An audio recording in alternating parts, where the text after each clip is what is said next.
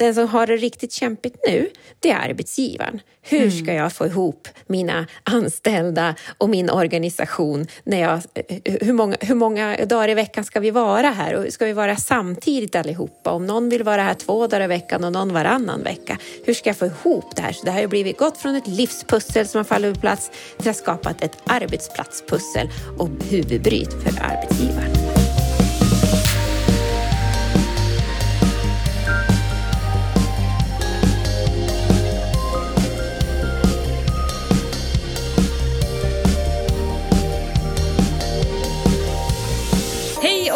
Välkomna till Be Digital-podden. I dagens avsnitt ja, då är temat eh, Remote Work 3.0, the future of work, eh, the new next normal. Alltså det vill säga hybridarbetets dynamik och hybrida arbetsmiljöer.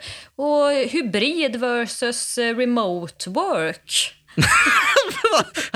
alltså Lisa, hallå vad fan snackar du om? nu har du varit någon helt annanstans märker jag. Alltså ärligt talat, nu får du komma tillbaka här från din Global Innovation World eller vart du har och kom tillbaka till Värmland. Va, vad menar du? Va, va, vad har du varit och gjort? Ja, men jag har precis gjort en intervju här med Ann-Therese Einarsson från eh, tankesmedjan Futurion och, och jag blev ju så himla inspirerad nu av allt spännande som hon delade med sig av om eh, framtidens arbetsliv och hur hur kommer vi att jobba här nu efter coronapandemin? Kommer vi fortsätta sitta på hemmaplan eller eh, kanske någon helt annanstans i världen? Vad tror du om det, Stefan? Ja, men du, då förstår jag varför du är så eh, engagerad här och är inne i alla de här orden. Vad spännande, jag är jättenyfiken. Eh, ska vi kasta oss in och lyssna på det här då, eller? Yes, vi lyssnar på intervjun och så får vi se vad Ann-Therese delar med sig av där.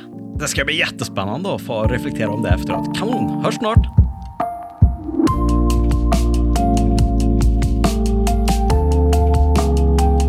Hej Ann-Therese! Välkommen tillbaka får man ju säga då till Be Digital-podden. Ja, tack så mycket för att få bli inbjuden. Tackar, tackar. Ja, du är ju vår första gäst här som får eh, vara med ytterligare en gång och det är vi ju väldigt glada för att du ville vara. Jag känner mig väldigt hedrad och ärad. Ja. Ja, du var ju med här i podden, jag tror att det var hösten 2019 och det känns ju som att det har hänt hur orimligt mycket saker sedan dess. Det är en helt annan framtid faktiskt, en helt annan arbetsmarknad. Ja, och helt nya förutsättningar som vi inte hade en aning om eh, sist. För då pratade ju du och Stefan, vad händer när chefen blir en app? Och hur ska vi förhålla oss till den snabba utvecklingen? Och snabb utveckling, det får man ju verkligen säga att det har varit eh, under det här senaste ett och ett halvt året. Ja, verkligen.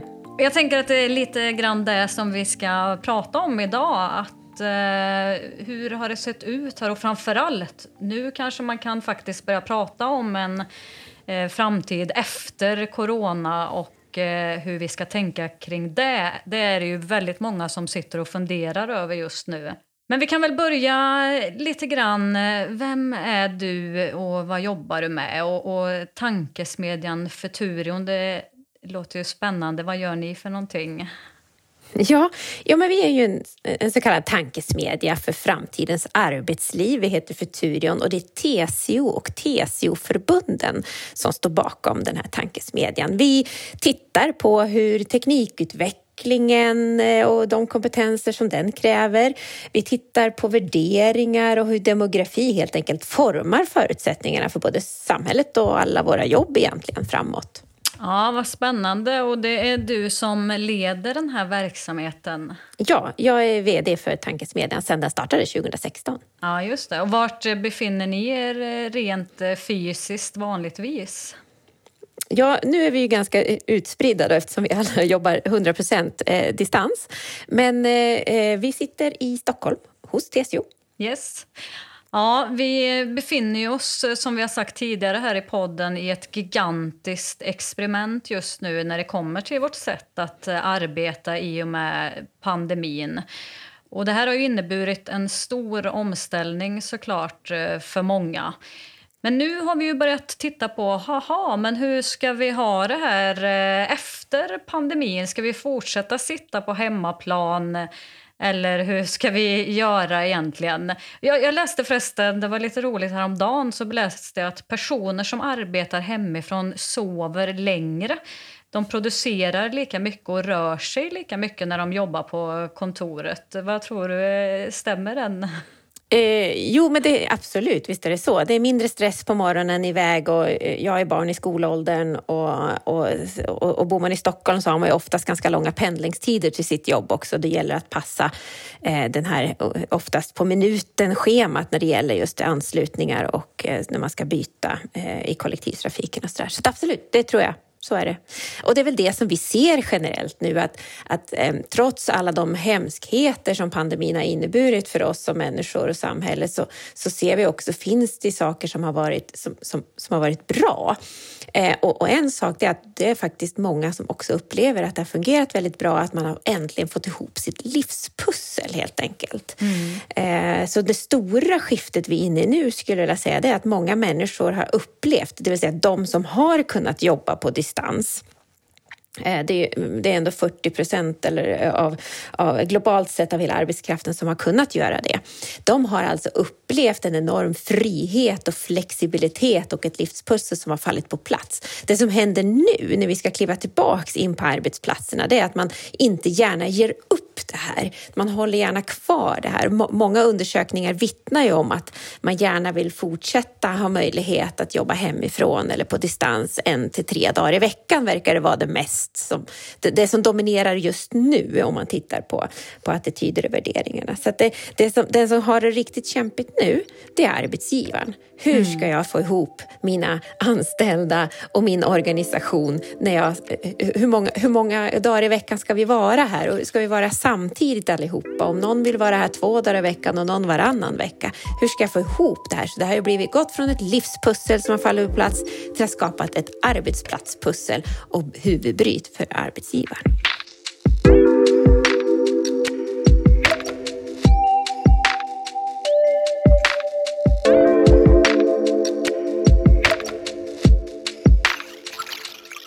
Och det här är ju superintressant och det är ju många stora, inte minst eh, techjättarna där ute som går ut nu och säger att eh, våra anställda kommer att få fortsätta jobba på hemmaplan även efter pandemin.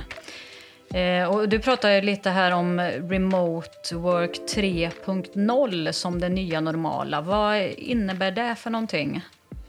Jo men, det är, jo, men jag tänker så här, vi pratade mycket om det här är nya normala. Det var, det var när vi satt i stort sett i total social, social distansering och alla jobbade remote eller på distans. Då.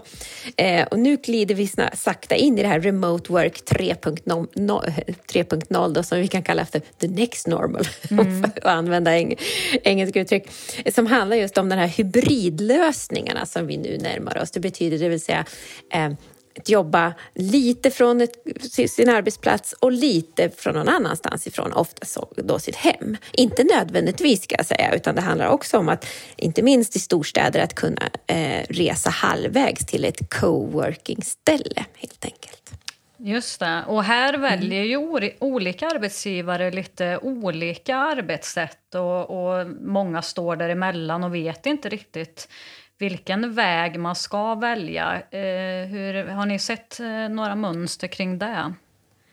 Ja, jag kan väl se att det finns en arbetsgivare som har utmärkt sig och det är ju Spotify till exempel här i Sverige som, och, och, eh, som globalt också säger att till sina arbetstagare att, att ni får jobba de, varifrån som helst. De går i liksom 100% remote och det är ett gigantiskt experiment egentligen det vi ser nu så mm. det måste vi naturligtvis både iaktta och vara med och dra slutsatser från. Och det är just, skulle jag säga, de nya eller de stora, stora techbolagen som vågar prova det här nya nya eh, arbetssättet att, att, att, helt enkelt vara 100 procent på distans. Vi ser Twitter och Facebook likadant, att där, man, där man får välja å andra sidan. Men eh, Facebook eh, var ju ganska snabba med och sa också att ni behöver inte sitta här i San Francisco där de, eh, och, och, och, trängas med det, de hutlösa bostadspriserna som råder där, utan ni får jobba varifrån vilken delstat ni vill. Så många som har valt att flytta hem, men då sa Facebook också att då kommer vi sänka lönerna. Mm. För att löner baseras ju oftast då på levnadskostnader, omlevnadskostnader och då räknar man in då bostäderna naturligtvis och blir det billigare att bo någon annanstans, ja men då vill man sänka priset. Och det är inget, eller sänka lönen menar jag. Eh, och det är inget konstigt egentligen för så sätter vi ju lite löner i Sverige också nämligen. Så ja. det är väl någonting som vi får hålla ögonen på. Jag tror att det här är någonting som vi kommer se även i Sverige. Jag tänker att eh, många flyttar till exempel till Värmland för att det är mycket bättre bostadspriser. Men eh, vad innebär det då till exempel om man fortfarande har kvar eh, sin arbetsgivare till exempel i Stockholm? Nej, men jag ser ju att det finns en att det händer någonting spännande just nu och det är väl det som eh, jag hoppas att vi kan ta med oss framåt. De insikter och lärdomar och, och de värderingsförskjutningar och, och, normer som ändå har ruckats på ganska mycket under det här året. Det vill säga arbetsplatsen som norm, som den fysiska arbetsplatsen som norm, att, behöva, att alla ska jobba exakt på samma ställe, exakt samma tidpunkt. Det, där börjar vi luckra upp vår föreställning lite grann och vad händer då? Och vad vi kan se, vi har gjort faktiskt en signalskanning tillsammans med Remote Lab och en signalskanning är ju någon slags ska man säga, en metod för att, för att hitta mönster och, och fenomen och beteenden eh, som, som, som, sticker ut från, från normen men som ändå har en potential att skala över tid och, och, ger, och ge en, en, en större påverkan i samhället. Och då, då ser vi ändå några fenomen och det är det att eh, vi ser att, man, att det finns en önskan om, om vad man kallar för temporär förflyttning. Att man, eh, en del kallar den här det här fenomenet för digitala nomader, bland annat. Det finns många eh, begrepp som man kallar det här för. Det vill säga att man är resande i jobbet, det vill säga att du har datorn på fickan. För nu pratar jag om framförallt då, ehm, typiska tjänstemannayrken. Då. Och där du kan liksom resa eller bo på en annan ort eller i ett annat land upp från, från en vecka till ett år ungefär. Eh, och, och, på så sätt eh, ändå kunna resa och, och, ha den. Det är mycket, det är mycket som, att se som en livsstil helt enkelt. Något som har ökat faktiskt med 140 procent på bara något år och får allt mer gillande och uppmärksamhet i, i betydelsefulla i grupper. Och det finns faktiskt länder som, som har nappat på den här trenden. Den är liten, men dock.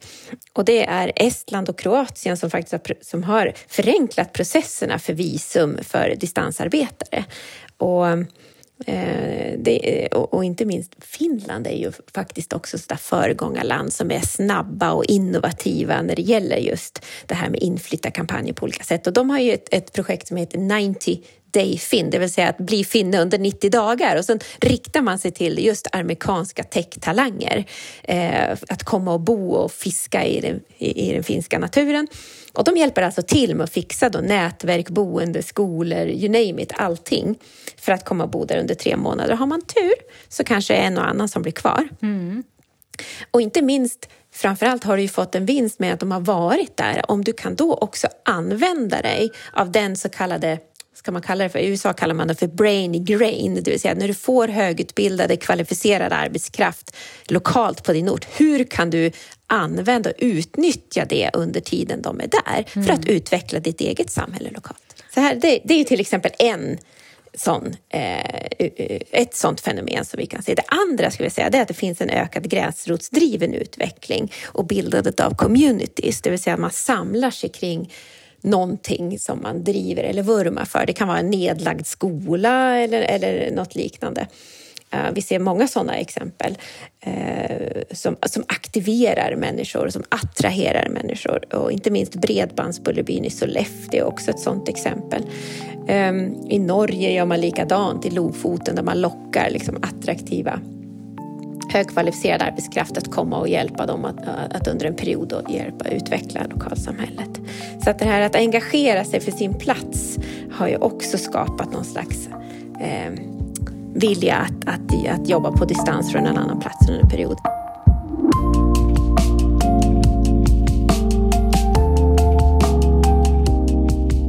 Och sen det som är mest spännande kanske och som mest varaktiga förändringen, det handlar om de permanenta förflyttningarna. Och här är det många företeelser över hela jorden faktiskt som vi ser.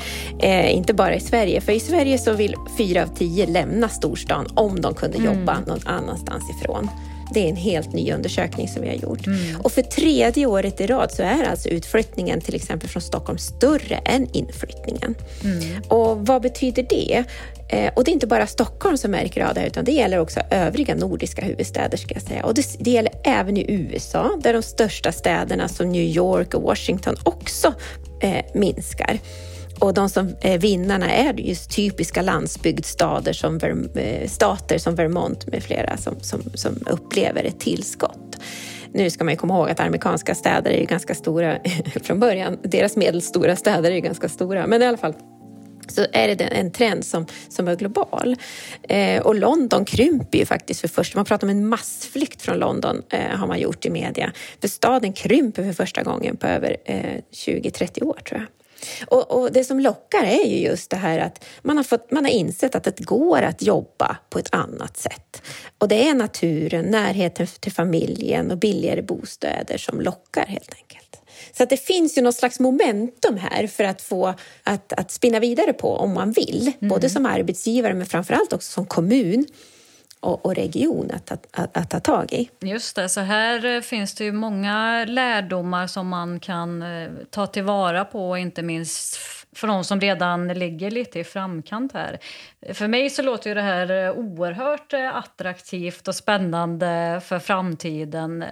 Men jag tänker som ledare så innebär det ju här helt nya typer av frågeställningar eh, som man inte har behövt eh, fundera kring tidigare. Hur eh, ska man tänka egentligen? Jag menar om man har nu sina anställda runt om i världen kanske och på olika platser. Hur ska det här fungera?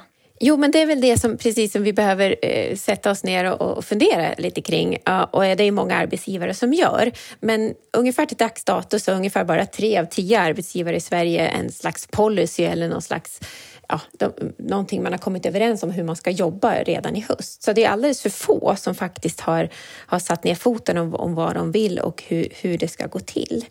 Eh, så, så är det ju. Men, men eh, som ledare så utmanas man ju rätt rejält för att vi har ju byggt mycket ledarskap på en fysisk arbetsplats och premierat många gånger de egenskaper och färdigheter som man kan uppvisa också rent fysiskt på plats.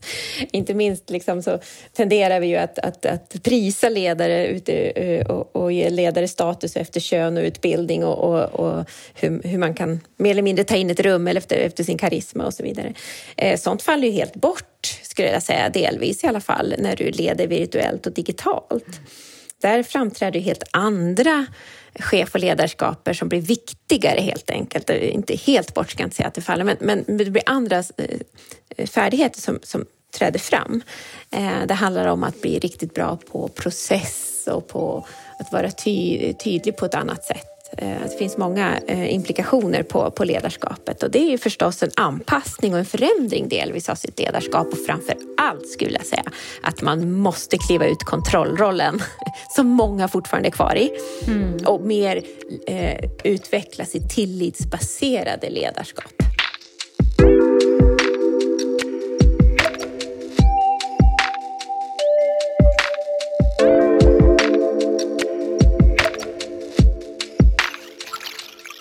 Nämnde lite den här eh, rapporten som ni tagit fram i samarbete med Remote Lab.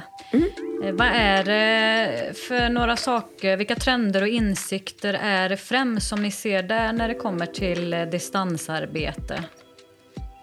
Jo, men det är just det att, att, att frågar man människor hur de vill hur man, skulle, hur man ser på arbete och bostadsort så vill man ju i allt högre grad välja bostadsort före arbetsort. Det är den stora slutsatsen. Eh, vi har ju liksom haft en tid där vi har varit tvungna att flytta till jobben eh, för att vi ska vara där fysiskt. Ja, inte minst vid industrialiseringen så var det liksom fabrikerna som var centrumet i vårt liv och utefter det så byggdes liksom, eh, städerna upp många gånger. Eh, men idag så, så vill man helt enkelt designa sitt liv utifrån var man vill bo istället. Så det är väl den stor, det stora möjliga skiftet vi kan se. Mm. Och nu med digital teknik och möjligheten att, att för många yrkesgrupper att kunna jobba på distans så öppnas ju faktiskt den möjligheten och det är inte minst viktigt när det gäller liksom matchning på arbetsmarknaden. Helt plötsligt så kan man få annan arbetskraft på, ut, någonstans i en avlägsen ort där man annars har haft svårigheter att attrahera den typen av arbetskraft. Så det finns ju en möjlighet här för många kommuner och regioner tycker jag.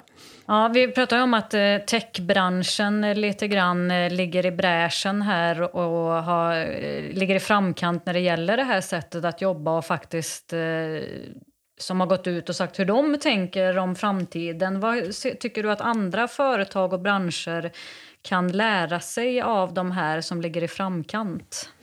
Eh, för det första så tycker jag att det är eh, bra att de vågar. För att jag tror att vi måste våga testa mer saker, experimentera mer, prototypa och allt vad det heter. Mm. Vi vet inte allting på förhand och det är väl någonting vi har tagit till oss den sista tiden nu att allting är inte förutsägbart och allting är inte skrivet i sten utan vi måste våga prova och experimentera oss fram för att hitta nya arbetssätt och produkter och tjänster. Mm. Just det här begreppet digitala nomader, eh, det har vi eh, haft span på på Compare i några år. Och det har man ju haft en bild av vilka det är som är de här digitala nomaderna. Oftast eh, lite yngre människor som inte har familj utan som reser runt i världen och, och jobbar digitalt. Men nu helt plötsligt då så kan, eh, så blir det helt andra grupper som träder in och blir digitala nomader. Är det det som vi ser? Ja, det kan ju bli så eh, eftersom vi vet att de som absolut vill flytta på sig, både permanent eller framförallt då, som vill flytta, de, de, det är ju barnfamiljer. Man är eh, 30, mellan 30 och 50 år. Och det är en väldigt stark grupp på arbetsmarknaden. Så att den gruppen är, eh, önskar ett helt annat liv helt enkelt. Ehm, men, men eh, om du tittar på de digitala nomaderna, ja, jag vet inte om jag är en digital nomad, men jag skulle jättegärna sitta ute från sommarstugan så här års och jobba, det kan jag ju säga. om jag är en digital nomad, det vet jag inte, men jag skulle vilja sitta där liksom april till augusti i alla fall. Mm. Eh, om, om det gick bra. Och jag kan tänka mig naturligtvis att åka in till arbetsplats platsen eh, kanske en dag var, varje vecka eller varannan vecka ett par dagar. Så det, det, är den flexibiliteten som jag ser. Och de digitala normalerna, naturligtvis finns det liksom den här backpacker-bilden mm. som framträder tror jag, när, man, när man slänger sig med det begreppet. Men helt ovetenskaplig spaning från mig här i podden nu då, det är att de som jag frågar, som lever det här livet ändå, så vet du, det är jättemånga, om man säger av den äldre delen av arbetskraften som gör det här. De har inte varit på en arbetsplats på väldigt länge och det är, många skulle jag säga eh, är ju till exempel akademiker. Jag träffar ju mycket forskare till exempel i mitt arbete. Mm. Många av dem utgår ju hemifrån och så reser de på konferenser, föreläsningar. Ja, men de har liksom det, jag, tror att våra framtid, jag tror att vi får byta en bild, eller justera den i alla fall. Jag ser ju liksom 65-plussarna som de digitala nomaderna med sina, eh, dels sitt arbetssätt så, men också sina husbilar och mm. eh, Madeira inte minst som har etablerat alltså ett erbjudande för distansarbetare att komma dit och bo och jobba under perioder. Mm -hmm. Hur ser det erbjudandet ut? ja, nej, men det finns ju sån här nomad list. Mm. Det vill säga, eh, det är en slags tripadvisor för distansarbetare där de graderar städer utifrån olika parametrar vad man tycker är viktigt. Det vill säga hur familjevänligt är det, det vill säga hur bra är skolorna, eh, hur bra bredband har man, eh, hbtq-vänlighet, ja men you name it, eller lycka till och med finns med som en parameter. Mm. Ehm, så där kan du liksom, vad, vad efter du tycker är viktigt så kan du söka dig till en stad eller del av världen eller, eller del av, av landet um, som, som, passar dig och, och, dina preferenser. Och, um, det är väl ett tips liksom. Ja, precis. Att gå in på Nomad List. Mm. Ja, vad spännande. Jag ser ju att eh, Värmland har ju verkligen många av de här delarna som vi pratar om här som många söker sig till. Och det är ju också en sån sak som vi jobbar för, eh, att Värmland ska bli en ännu mer attraktiv digital region och att fler ska vilja jobba inom techbranschen här. Och det pratade ju om att eh, ni hade sett i er rapport att eh, hur andra jobbar för att just locka techtalanger lokalt. Hade du något bra exempel där? Jag tycker, jag tycker fortfarande att Finland är kanske det som ligger närmast oss att jämföra.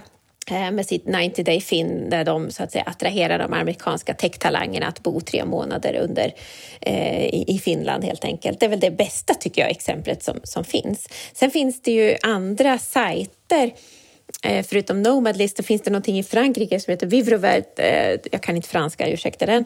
Eh, men där man i alla fall har sammanställt eh, de platser helt enkelt som en, en, en sajt där du kan matcha dina preferenser utifrån Eh, vart du vill jobba någonstans mm. ifrån. Och, och det kan handla om eh, grön, eh, grön... Jag tror att det betyder, hela namnet betyder bo i grönska eller mm. någonting. Så det kan man liksom sätta in. Ja, jag vill, jag vill, jag vill jobba från ett berg. eller en alptopp, jag vet inte. Nej, men, eh, eller jag vill ha nära till fiskevatten och så vidare. Så det finns lite såna här Eh, Eh, det finns många, eh, många innovativa tjänster eh, just nu och jag tror Värmland skulle kunna bygga en egen. Ja men verkligen och det känns som hakar man på det här nu så kan man ju verkligen öka konkurrenskraften både som stad och land och företag och här känns det väl som att företag själva kanske behöver tänka om lite hur man eh, ska locka nya medarbetare och inte minst framtidens medarbetare när man skriver sin nästa rekryteringsannons. Det kanske inte blir lika stort fokus på de här traditionella kravlistorna som vi ofta ser. Nej, och där tror jag att du är inne på någonting, för jag tror att det är absolut nödvändigt för arbetsgivare för att attrahera talangerna som man, som man säger, det vill säga den attraktiva arbetskraften, att kunna just berätta att man, att man står för ett flexibelt arbetsliv. För vi ser mm. ju idag att Många eh, uppger att de skulle tacka nej till ett jobb där man inte tillät distansarbete mm. eller en hög grad av flexibilitet i arbetslivet. Så det är, eh, jag tror att det är nödvändigt att, att, eh, att titta på de här frågorna som arbetsgivare. Sen som region och kommun eller tillsammans med arbetsgivaren titta på vilka förutsättningar har vi för att liksom flytta fram positionerna nu då? Ja, men då gäller det liksom, eh, jag vet inte om att, det kallas för platsvarumärke eller någonting. Eh, det, det, får man ju titta på. Har vi den service som man kan förvänta sig om man skulle liksom välja att jobba därifrån? Mm. Har vi coworking-ställen att erbjuda? Och har vi ett bredband som är top notch? För det är ju viktigt. Mm. Och en infrastruktur till kanske arbetsplatserna då om man vill distansarbeta under perioder kan man ändå resa enkelt och lätt tillbaka till sin arbetsort. Ehm, så det är väl några saker man får titta I Tyskland blev faktiskt till exempel bredband i, i en del regioner en valfråga nu i eh, nu tidigare år. För att där har man under pandemin så, så fungerade helt enkelt inte deras bredband. De har inte den kapaciteten. Nu har vi bra kapacitet i Sverige. Mm. Den kan bli betydligt bättre ska jag säga. Eh, men där man inte, hade man inte möjlighet att kunna distansarbeta i samma utsträckning och heller inte kunna bedriva distansundervisning. Så att, eh, det, det, pandemin visar ju också hur kritiskt bredbandet är. Mm. Ja, jag ser med spänning eh, fram emot eh, hur eh, fortsättningen kommer att bli och vad det är för nya saker som vi kommer se här. vad tänker du själv om framtiden när det kommer till vårt framtida arbetsliv? Vad tror du vi kan förvänta oss här om vi gör en liten spaning kring saker som kanske inte ens finns idag? Ja, nej men det är väl det är väl det där att, att, att framför allt att eh, att arbetsgivare tar till sig att vad man, vad man eh, på engelska kallar det för the future of work is not remote, it's the future of work is choice, det vill säga att, att, du, att locka med just flexibiliteten. Och det viktigaste är väl att vi får in i våra system och i våra tänk att livet består inte av tre tydliga block, det vill säga att först går vi i skola väldigt, väldigt länge och utbildar oss och sen jobbar vi ett helt arbetsliv och sen går vi i pension. Utan vi måste tänka helt om, utan mer som en vågrörelse där vi går in och ut ur jobb, påfyllnad och paus. Eh, så att det blir som en vågrörelse. Jag står här och viftar här, det ser inte ni som lyssnar på podden. Men, men, eh, men vi behöver nämligen fylla på flera gånger under arbetslivet och de som behöver mest påfyllning skulle jag säga och som måste verkligen titta på sin kompetensutveckling för att, eh, för att hålla ett helt arbetsliv eh, sig relevant med rätt kunskaper. Det är ju faktiskt 40-45-plussarna. Eh, för att idag har vi en halveringstid på kunskap så kort som fem år. Så att, att sitta i skolbänken allt för länge, ja, det gör att det, de, de, mycket av det du har lärt dig när du börjar utbildningen är redan irrelevant när du kliver ut. Va? Så att just det här att fylla på hela tiden och ta ett större ansvar också själv för att fylla på. Ja, eh, för mig låter alla de här sakerna som du har pratat om väldigt eh, attraktivt. Eh, så jag får säga stort tack för att du var med här idag i Digital-podden. Ja, tack själva för att jag fått vara med. Så får vi se. Om ett halvår kanske jag är granne till dig då. Ja, men precis. Man vet aldrig. Ja, ha en fortsatt bra dag hur som helst så hörs och ses vi. Det gör vi.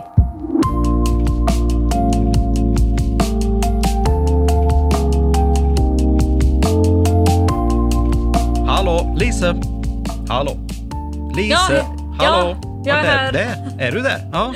Ja, men jag är ju inne här på Nomad List. Jag är helt uh, inne i här nu vad som blir min uh, nästa arbetsplats. ja, vadå, vad, vad, vad, vad kikar du på just nu då? Nej, men nu sitter jag här och tittar på Da Nang i Vietnam och uh, Learn to work remotely from Da Nang.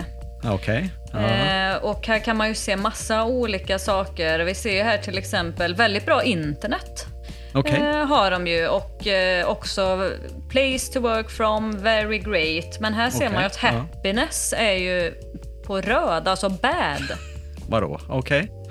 Så, så jag, vet, jag vet inte, jag kanske får kolla vidare här på nästa land och stad. Ja, ja. Nej men alltså, har du varit inne på den Nomad Nej, jag har inte varit inne och kikat Nomad? Nej, nej. nej. Jag tror ju att vi är ju kanske de, de nästa digitala nomaderna, Stefan. Tror du det? Ja, ja. ja men podden men, här kan vi ju göra därifrån bara. Vi har bra internet och där var det ju Danang. Men det var inte så mycket lycka då, som du sa. Nej, men jag tänker här, jag ser här eh, Penang i Malaysia, där är det mycket fun. Så vi kanske sänder Digital-podden därifrån nästa säsong. Ja, fun är ju vår viktigaste värdering. ja, men det var spännande. Jag förstår att det är någonting som du tog med dig från den här intervjun. Nej, men jag tycker att eh, det är väldigt mycket från den här intervjun som lockar mig och som eh, låter väldigt attraktivt för mig. Och inte minst det här med digitala nomader som alltid har varit lite min dröm. Nu är jag småbarnsförälder och har tänkt att det där är ju bara för unga backpackers som inte behöver in i det här livspusslet. Men nu, nu är det ju jag som är målgruppen för de digitala nomaderna. Det var ju väldigt eh, kul just den kopplingen här som eh, Ann-Therese pratade om, just att familjerna flyttade till dit man ville bo istället för att flytta till där man hade möjlighet att jobba.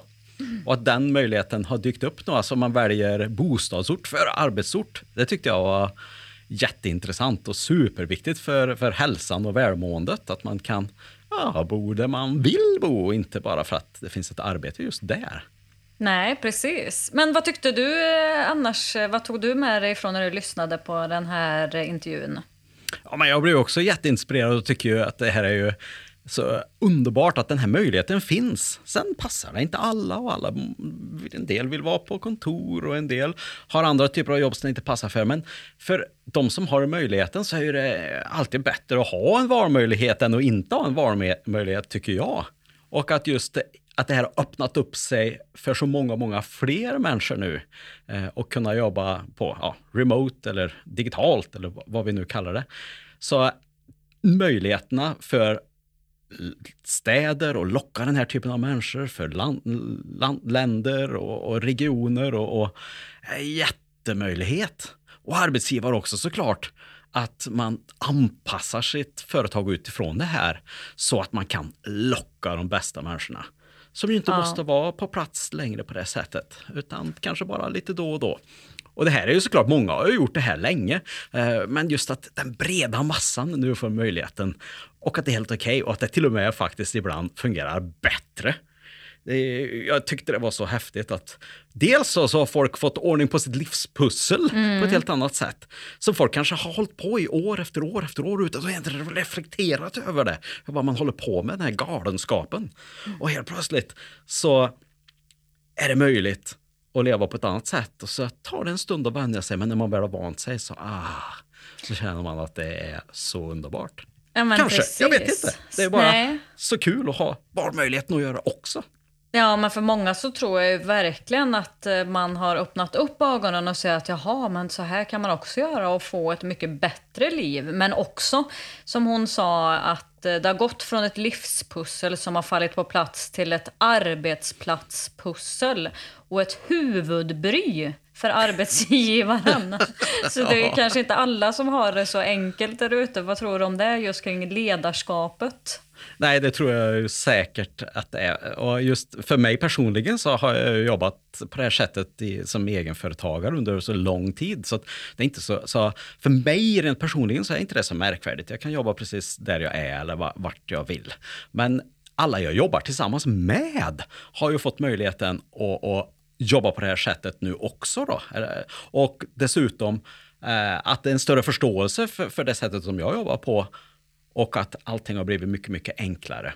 Och i det här blir det ju då ett huvudbry för de som är ledare, kan man ju säga precis här, eller arbetsgivare, eller hur vi nu vill se. Hur ska vi göra här nu då? Och här är vi väl just nu då, när vi spelar in det här i juni 2021, i en slags eh, brytningstid eller gränsland mellan det nya eller det gamla, eller vad vi nu vill säga. Om man inte, ska vi tillbaka till det gamla? Ska vi, göra, ska vi ta det fullt ut, eller ska vi vara någonstans mitt emellan, eller hur ska vi göra? Och här får ju företagen, eh, tänker jag, hitta sin väg och testa sig fram lite grann och pröva. Men det vore väl synd om man bara sa att nej, nu ska allting vara precis som det var innan. Och Nej. Jag tror att man eh, som arbetsgivare missar väldigt många möjligheter. Ja.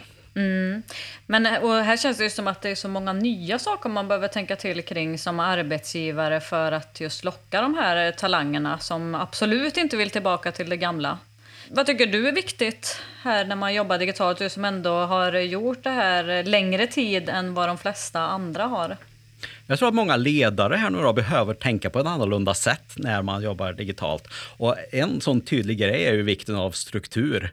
Just att man å ena sidan då får, får väldigt mycket mer frihet i sättet man jobbar på. Och i och med det så krävs det också struktur. I ett möte till exempel, att man är tydlig med att alla får komma till tal så att eh, det finns ett syfte och ett mål och att det också finns en social tid kanske på det som man tidigare kanske har gått från ett möte och gått in och snackat lite tillsammans. Att man också kombinerar den typen av möjligheter in i mötena. Och här är det ju ledarna eller de som, som driver arbetet framåt eh, oavsett vad man nu har för titel så är det ju de som måste ta det här, steppa upp extra och, och då är det annorlunda. Eh, att man eh, måste agera på det här sättet då, jämfört med att bara sitta i ett rum. Och många kanske då som har varit mer vana och kanske mer ta grejen i stunden utifrån hur det är, så krävs det en mer framförhållning på ett annat sätt och jobba lite mer strukturerat på det här sättet för att hantera flexibiliteten hos alla medarbetarna. Och det är bara ett exempel på, på just någonting som man behöver träna i. Så jag tror att vi kommer att se under året här nu, det är bara en liten så spaning, lite olika typer av ja, vad ska vi göra? Utbildningar, kunskapshöjande insatser i, i, i remote working. Och, och vi har väl sett det här kanske att det trendar då. En så kallad signalspaning kanske. Nu har jag lärt mig ett nytt ord här. Ja, att, precis. att, att det är en signalspaning. Och kanske kommer det att skala upp och dra iväg den, den signalen att, att eh, det finns utbildningsmöjligheter kring det här, att man tänker på det här på ett annat sätt. Då. Ja, och det tänker jag också hör ihop faktiskt med just när du säger utbildningsmöjligheter som hänger ihop med det avsnittet som faktiskt du och Ann-Therese gjorde för ett tag sedan som handlade om vad händer när chefen blir en app? Ja. Och det är ju fortfarande en relevant eh, fråga och det är ju väldigt många jobb som kanske i ännu snabbare takt nu kommer att försvinna. Eh, och det ser ju jag som också återigen massa, då finns det ju massa nya möjligheter till nya roliga jobb.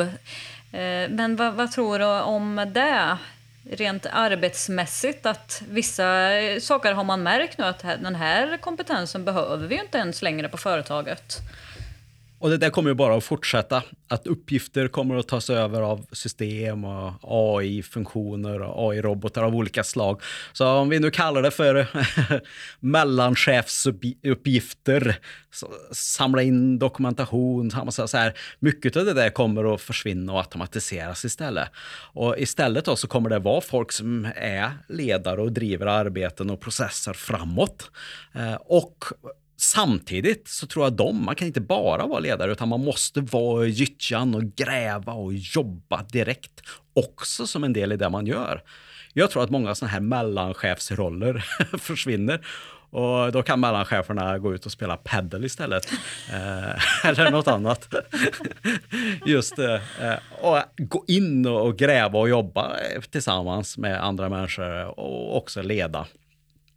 Så att det, det får, vi nog, får man nog se över lite grann sin, om man nu har ett mer administrativt arbete att reflektera lite kring, kring dem, ja. om man nu ser det som hoten eller, eller möjligheterna då. Mm. Eh, och ta nästa steg i sin, sin personliga utveckling där. Precis, och det var ju också någonting som Andres ju avslutade egentligen hela intervjun med. Eh, just det här och att vi ständigt måste utvecklas och lära oss nya saker och att det här ligger väldigt mycket på vårt egna ansvar att göra det. Men sen finns det ju lite hjälp på vägen och det måste jag ju faktiskt passa på att slå ett slag för nu för alla värmländska företag så har ju vi någonting som heter den digitala förflyttningen. Där eh, personer, 100 personer kommer att få möjlighet att på något sätt utbilda sig och utvecklas inom det digitala. Det är väl underbart ju? Det är väl jättebra. Jag tycker framtiden ser otroligt ljus ut framförallt när det gäller möjligheten att, att, få jobba och ha roligare arbetsuppgifter och, och, roligare människor omkring sig när fler och fler blir tillgängliga digitalt. Och dessutom då i den miljö som man själv vill vara i, då, oavsett om det är Vietnam eller Polen eller Kil. Ja, så finns möjligheterna där också.